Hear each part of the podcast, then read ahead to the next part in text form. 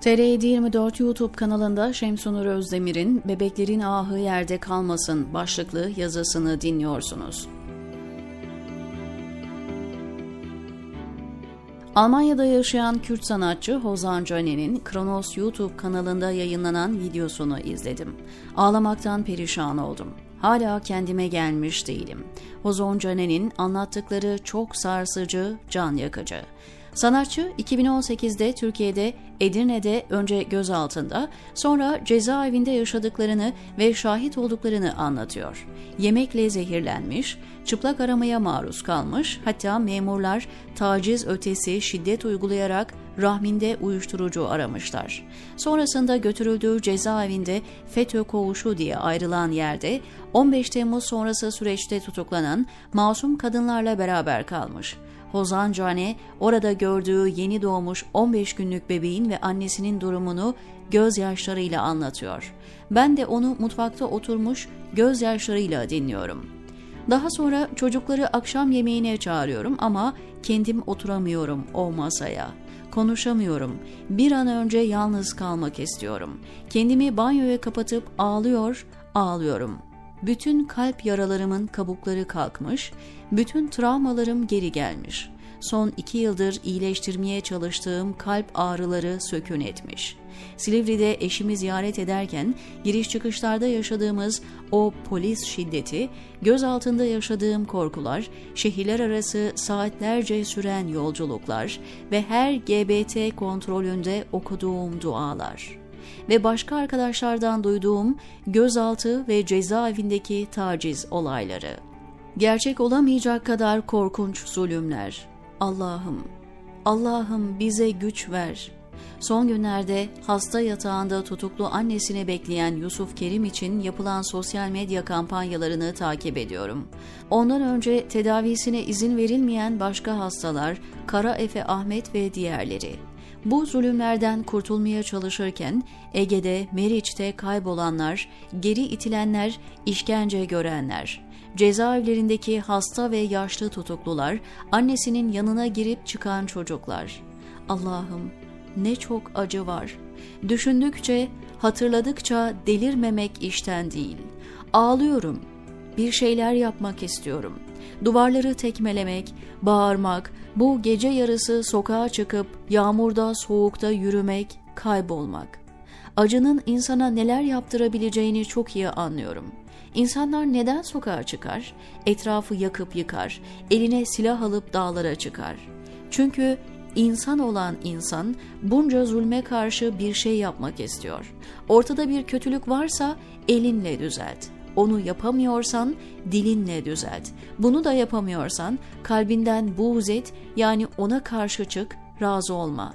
Bundan sonrası yani hiçbir şey yapmamak, duyarsızlık, görmezden, duymazdan gelmek, çevrende hiçbir kötülük olmuyormuş gibi kendi konforunda yaşamak. İşte bu zulme, zalime ortak olmaktır. O kötülüğü yapanlardan farkın yok demektir.'' Devletin gücünü arkasına alan bu zulüm şebekesi öylesine şiddetli ki engellemek için elimizden bir şey gelmiyor. Şiddete şiddetle karşılık vermek benimsediğimiz din ve hizmet anlayışına ters. Bunu yapamayız.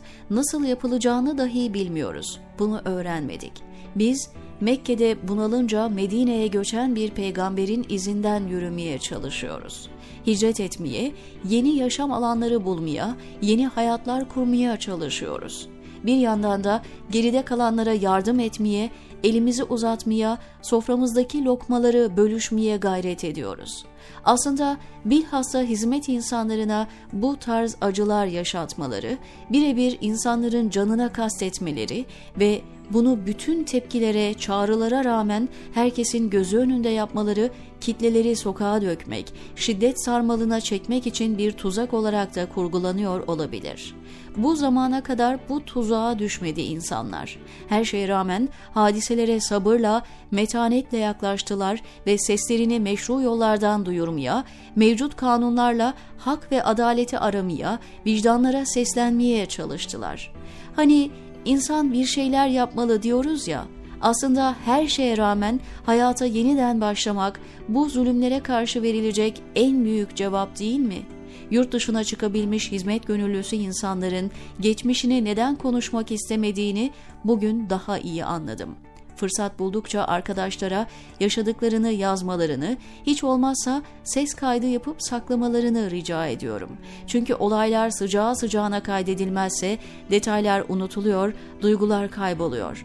Tarihe not düşmek ve gelecek nesillere bu günlerde ne olduğunu anlatabilmek için belgelemek çok önemli. Fakat insanlar yeni hayata başlama gücünü toplayabilmek için geçmişten uzaklaşma eğiliminde.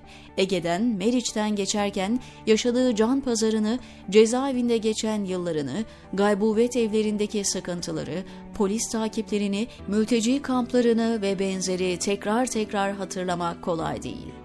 Herkes kendi acısını en iyi bilir. Bütün bunları geride bırakıp yeni bir ülkede hayata tutunmak, evlatlarına sahip çıkmak, yeni meslekler öğrenmek, yeni yol ve yöntemlerle insanlara ulaşmaya çalışmak, hem kendi sesini duyurmaya hem de dünyanın neresinde olursa olsun zalimlere karşı durmak, bütün mazlumların sesi olmak. İşte bunlar uğradığımız haksızlıklara vereceğimiz en iyi cevap olabilir.'' 2016 Eylül'ünde okullar açıldığında ailemiz içinde en büyük zorluğu o sene 7. sınıfa başlayan oğlum yaşamıştı sanırım. Daha 12 yaşındaydı. Babası tutuklanmış, İstanbul'daki güzel okulu kapanmış, arkadaşlarından ve fedakar öğretmenlerinden koparılmış, bir Anadolu kasabasında yepyeni bir çevrede okula başlıyordu. Yeni okulunun devletin el koyup ismini değiştirdiği eski bir özel okul olması kaderin ayrı bir cilvesiydi. Her şeyi sorguluyor, isyan ediyor, bize bunları yaşatanlara kızıyor ama çocuk aklıyla neler yapabileceğini de pek bilemiyordu. Mümkün olduğunca hadiseleri yansıtmamaya çalışsam da okuyor, dinliyor, her şeyi anlıyordu. İçindeki şiddet eğiliminden onu korumak için derslerine yönlendirmeye çalışıyordum. Uzun uzun konuşuyorduk. Derslerinde başarılı olmasının, iyi bir lise ve üniversiteye gitmesinin bu zalimlere karşı en büyük cevap olacağını anlatıyordum. Bir gün her şeyin düzeleceğini, babasının ve diğer tüm babaların, annelerin hürriyetine kavuşacağını, haklarımızı geri alacağımızı, bugünden daha iyi olacağımızı hayal ediyorduk. Yeter ki o vakte kadar ayakta güçlü duralım, sağlıklı olalım, bize daha fazla kötülük yapmalarına fırsat vermeyelim. Bugün ağlamaktan yorulunca oğlumla konuşmalarımızı hatırladım. Aynı tavsiyelerle kendi kendimi teselli etmeye çalıştım. Sonra bu yazıyı yazıp dertleşmek istedim. Kırık dökük cümlelerim için beni affedin. Son söz olarak merhum mazlum Seyit Rıza misal ediyorum ki, Ey bu devrin zalimleri! Zulmünüze, vahşetinize, kumpaslarınıza, taş kalplerinize karşı koyamadık. Bu bize dert oldu.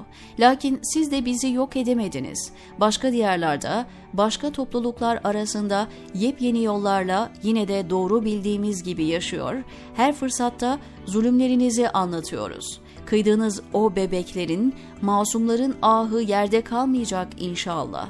Bu da size dert olsun.'' diyor Şemsunur Özdemir TR724'deki köşesinde.